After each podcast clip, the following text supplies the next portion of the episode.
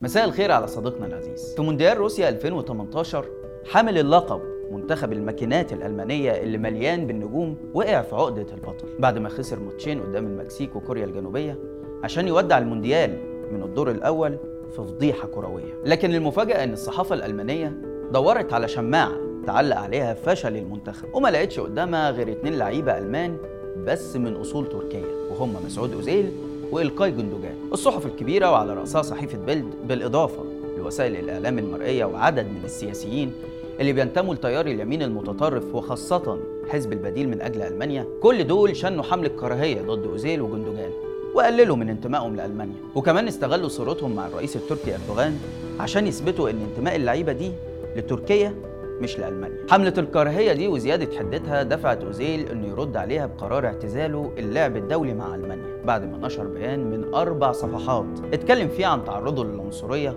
والتمييز بسبب أصوله التركية وكمان لأنه مسلم. وقال فيه لن أكون كبش فداء بعد الآن. عندما نفوز فأنا ألماني وعندما نخسر فأنا مهاجم. تصرف أوزيل فجر موجة من الجدل في ألمانيا بين مؤيد ومعارض. المستشارة الألمانية وقتها ميركل قالت إنها بتحترم قراره وإنه كان نموذج جيد للاندماج وكمان تم التذكير بأن أوزيل مولود أصلا في ألمانيا لأسرة تركية مهاجرة. وإنه تنازل عن جنسيته التركية سنة 2007 عشان يحصل على الجنسية الألمانية. وإنه لعب أكتر من 90 ماتش باسم ألمانيا وساهم في فوز ال Mannschaft بمونديال 2014 ده غير طبعا إنجازاته مع ريال مدريد وأرسنال. بس في المقابل موجة الهجوم عليه ما وقفتش بل بالعكس زادت وخدت أشكال أكثر عدوانية. أولي هونيس رئيس نادي بايرن ميونخ وقتها قال ان أوزيل بيلعب بحماقة وإنه بيحاول يخفي سوء ادائه عن طريق ادعاء تعرضه للعنصرية. نائب رئيس حزب البديل قال إن أوزيل غير صادق وسخيف وإنه من الخطأ وصف الانتقادات الموجهة ليه بالعنصرية. صحيفة بيلد استمرت في الهجوم على أوزيل لسنوات بعد الواقعة دي، لدرجة إنه لما انتقل لنادي فنربحشة التركي، الصحيفة انتقدته بسبب ترديده النشيد الوطني التركي، وكتبت: أوزيل لم يكن معروفا من قبل كمغني عظيم، على العكس كان دائما يلتزم الصمت لحظة عزف النشيد الوطني وعندما كان الآخرون يغنون يظل فمه مغلقا. وده لأن أوزيل قال في تصريحات قبل كده إنه بيفضل تلاوة أدعية قبل المباريات. ألمانيا بقى اللي عملت كل ده مع أوزيل جاية في مونديال قطر 2022 وتدي العرب محاضرات في حقوق الإنسان. والأسوأ من كده كمان هي محاولتها فرض القيم الغربية على شعوب العالم كله حتى لو كان جزء من القيم دي بيتعارض مع تعليم الأديان وعادات وتقاليد مختلف الشعوب الأخرى. ليه الغرب متضايق من مونديال قطر؟ وإزاي مونديال قطر إدى للعرب فرصة ذهبية للتعبير عن قيمهم؟ ده اللي هنحاول نعرفه معاكم في حلقة النهاردة. أنا عبد الرحمن عمر وده برنامج الحكاية.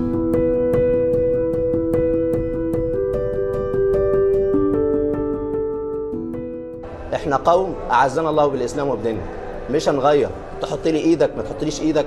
احترم نفسك انت وهو واحترم قوانين البلد. إحنا بشر زي زيكم. ما تجيش تعلمني في بلدي أو قوانين بلدي. احترم نفسك انت وهو.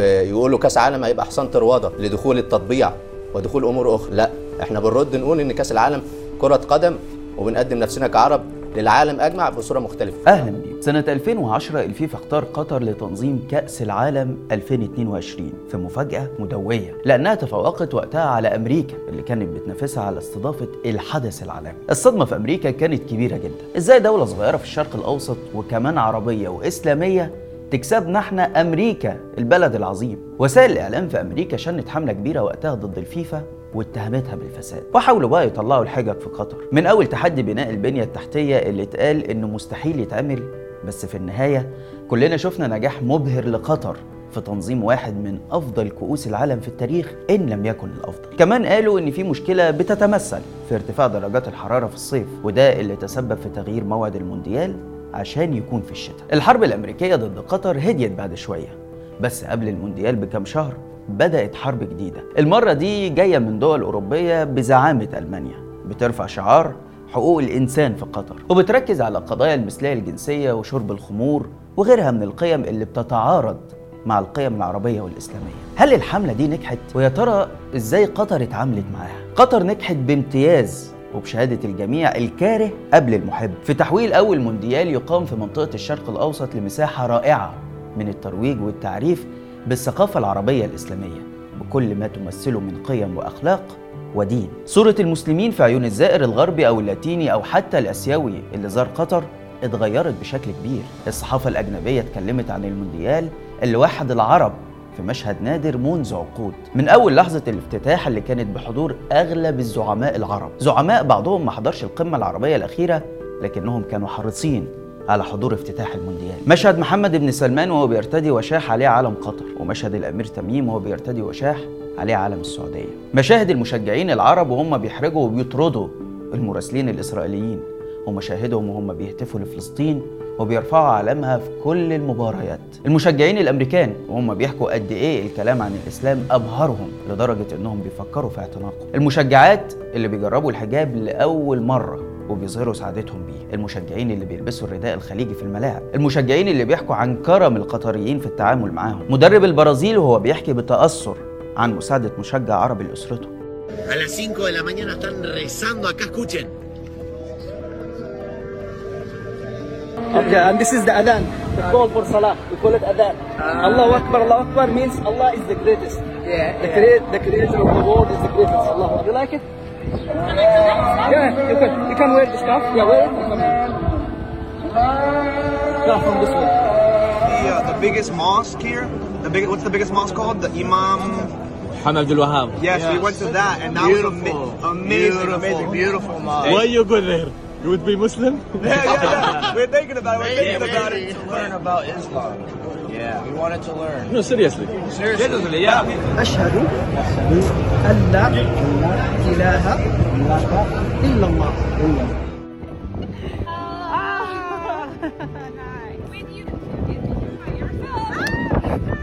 كل الصور الإيجابية دي عن قطر وعن العرب وعن المسلمين بتوصل لملايين البشر حول العالم وبتغير الصورة الذهنية اللي عندهم. الصورة اللي رسمها الإعلام الغربي أو السياسيين المتطرفين اللي بتصور العربي إنه إرهابي والمحجبة إنها متطرفة والمسلم إنه متخلف أو عايش في القرون الوسطى. مونديال قطر بيساهم بشكل كبير في رسم صورة جديدة عننا كلنا. صورة فيها قيم كرم الضيافة والجدعنة والأمن والحب. وقبول الآخر والأهم من ده كله الاعتزاز بالمعتقدات الدينية والتقاليد واحترام القوانين. قطر نجحت في معركة تانية أصعب بكتير وهي الحفاظ على هويتها وعدم الاستسلام قدام الحملة الغربية ضدها واللي حاولت تضغط بكل قوة وبكل الأدوات عشان قضايا معينة لا تتفق مع تعليم الإسلام ولا العادات ولا التقاليد العربية. في البداية سبع منتخبات أوروبية أعلنت إنها ترتدي شارة دعم المثلية وبعدين لما الفيفا منعتهم صمم لعيبة ألمانيا إنهم يعملوا حركة ضد منعهم من رفع الشارة وكمان وزيرة الداخلية الألمانية ارتدت الشارة في المدرجات.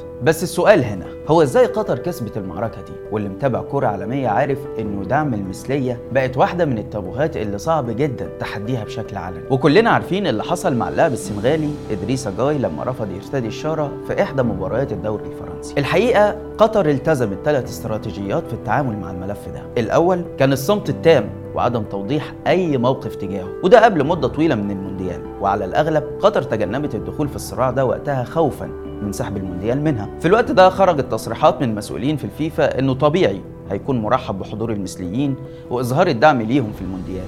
وهنا قطر خدت الخطوة الثانية وتواصلت مع الفيفا وبلغتها استيائها لأن ده بكل بساطة بيتعارض مع قانون العقوبات القطري اللي بيحظر العلاقات المثلية وبيعاقب أصحابها بالسجن لمدة تصل إلى سبع سنين. بس برضو التصريحات القطرية فضلت بترحب بحضور الجميع للمونديال وبدأت تظهر جمل زي مراعاة احترام ثقافة البلد المضيف. يعني ببساطة أنتم مرحب بيكم بس بدون رفع شارات أو علامات. بتتعارض مع المجتمع القطري والعربي والإسلامي اللي هتكونوا ضيوف عليه قبل شهر واحد من المونديال بقى ضربت قطر ضربتها وقالت بشكل واضح إنها لن تسمح برفع علم المثليين مش كده وبس ده كمان طلع مسؤول قطري في قناة ألمانية وقال لهم بشكل واضح إن المثلية الجنسية حرام في الإسلام وإنها دليل على وجود خلل ما في العقل Whisky ist Haram. This haram. Weißt du, was Haram ist? haram what's meaning? Yes, haram. Yeah, Yeah. yeah, Ja, Haram, eine So Sünde. he would say for me, Sie finden, Schwulsein ist haram? Ja, es ist haram. Ich bin kein strenger Muslim. Aber warum ist es haram? Es ist ein geistiger Schaden.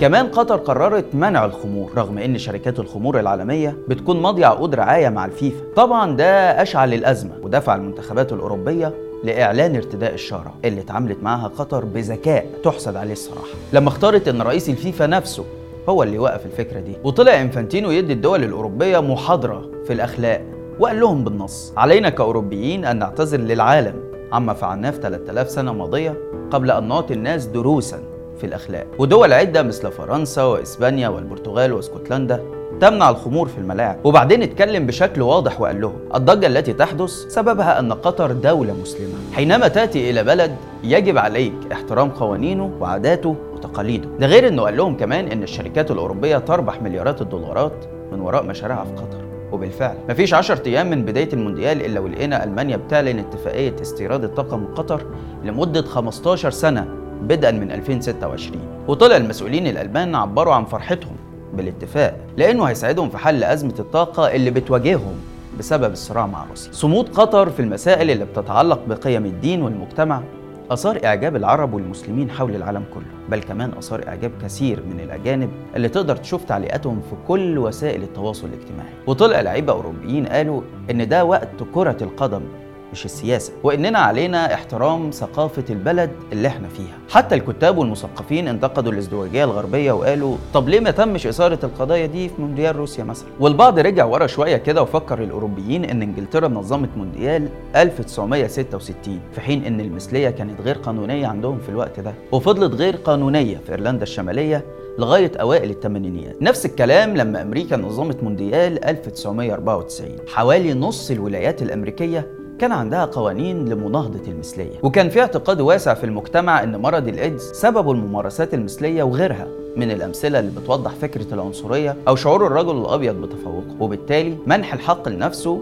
أنه يفرض قيمه على الشعوب الأخرى. وهنا خلوني أقتبس من كلام عمرو حمزاوي اللي كتب مقال بعنوان كسر أنف الغرب وختمه بالجملة دي عشت في الغرب الأوروبي والأمريكي سنوات طويلة. وما زلت أعمل هناك غير أنني كلما طال بي المقام في مجتمعات ذوي البشرة البيضاء كلما اكتشفت تجذر الاستعلاء الممنهج بين ظهرانيهم ورغبتهم المريضة في ادعاء التفوق الأخلاقي والقيمي والمعرفي على غيرهم جيد أن يكسر استعلاء الغرب بين الحين والآخر We are told many, many lessons from some Europeans, from the Western world. I'm European. Actually, I am European.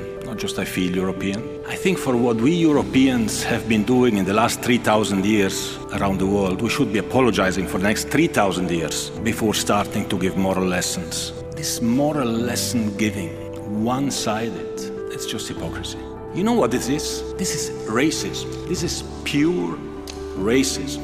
And we have to stop that. أخيرا بقى وهو الجزء الأجمل في المونديال فلسطين الرابح الأهم في كأس العالم اللي رغم إن منتخبها ما لعبش ولا مباراة لكن أعلامه حاضرة في كل ماتش. والهتاف ليها على لسان كل مشجع. بينما الطرف الثاني دولة الاحتلال هي الخاسر الأكبر. لأنه برضه رغم إنها ما بتلعبش لكن كل ممثليها واللي هم بعض الإعلاميين والمراسلين تلقوا رسائل واضحة إنهم غير مرحب بيهم. وكل الشعوب العربية وغير العربية فكرتهم بحقيقتهم إنهم محتلين وقتلة ومجرمين. شفنا المراسل اللي بيقول مرة إنه من الإكوادور ومرة تانية إنه من ألمانيا. وشفنا زميله وهو بيشتكي من معاملة المشجعين والسكان. وان سواق التاكسي نزله في الشارع لما عرف إنه إسرائيلي وصاحب المطعم طرده. وشفنا التاني اللي جاي يقول إنه صانع سلام قبل ما يكشف الفلسطينيين عن هويته الحقيقية وإنه قائد كتيبة في جيش الاحتلال. وفي المقابل شفنا المصري والسعودي والتونسي والمغربي والجزائري وهم بيتجنبوا التصوير مع المحتلين. وشفنا المشجعة اليابانية وهي بتعمل نفس الموقف. ومشجعة تانية من إيرلندا لابسة علم فلسطين وبتقول فيفا بلسطينا ومشجعة أوروجواي وهي بتحكي قصة حبها فلسطين وأمنيتها إنها تكون بلد حرة. كل المشاهد دي وغيرها وصلت رسالة واضحة. للاحتلال والمطبعين معاه إن الكيان ده مهما عمل اتفاقيات مع الحكام ومهما حاول يفرض نفسه كأمر واقع لكنه في الحقيقة هيفضل منبوذ من الشعوب كلها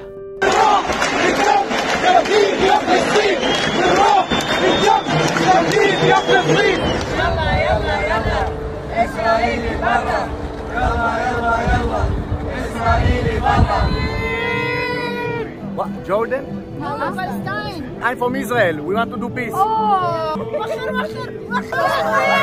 Palestine, Palestine, Free Palestine. For Israel. Yeah, I'm Israeli. No, free Palestine. Palestine, Palestine, Palestine! Palestine! Where are you from? Israel. No, no, no. What? Where are you from? Ecuador. Ecuador. Ecuador. No, this is not Ecuadorian language. Yeah, it's Ecuador TV. No, free Palestine. Question: Where are you from? Israel. Ecuador. Yesterday you was from Ecuador. I'm Israel now. Today, today you are from Israel. Yes. You are not welcome here. Even if this is, this is Qatar, this is our country. You are not welcome here. Why you are wearing free, free Palestine? because I went to Palestine and I loved it. It was the people were beautiful, the country is beautiful, and I believe that the Palestinian people Can we see it? they deserve freedom. في النهاية مونديال قطر كان مناسبة نادرة لكل العرب والمسلمين إنهم يعرفوا العالم بحضارتهم وقيمهم العظيمة اللي بالتأكيد بتمثل إسراء للقيم العالمية. وكمان كانت مناسبة ممتازة لأننا نتحدى محاولات الغرب فرض قيمه الثقافية علينا وإننا نظهر اعتزازنا وتمسكنا بقيمنا الدينية والمجتمعية. وطبعا كان مناسبة لإظهار دعمنا للقضية الفلسطينية. أتمنى يكون مونديال 22 نقطة تحول بالنسبة لينا كأفراد ومجتمعات عربية وإسلامية نستفيد منها أهمية الثقة في النفس والاعتزاز بالقيم. وقد إيه الوحدة بين شعوبنا بتخلينا أقوى. بس كده. لحد هنا والحلقة خلصت. لو الحلقة عجبتك اعمل like و share واشترك في القناة عشان يوصلك كل جديد واعمل لي follow على الانستجرام. وما تنساش إنك تقدر تسمع البرنامج بتاعنا بودكاست من الروابط اللي هتلاقيها في التعليقات. واستنانا كل جمعة الساعة 8 بالليل بتوقيت القاهرة في حلقة جديدة من برنامج إيه الحكاية؟ سلام.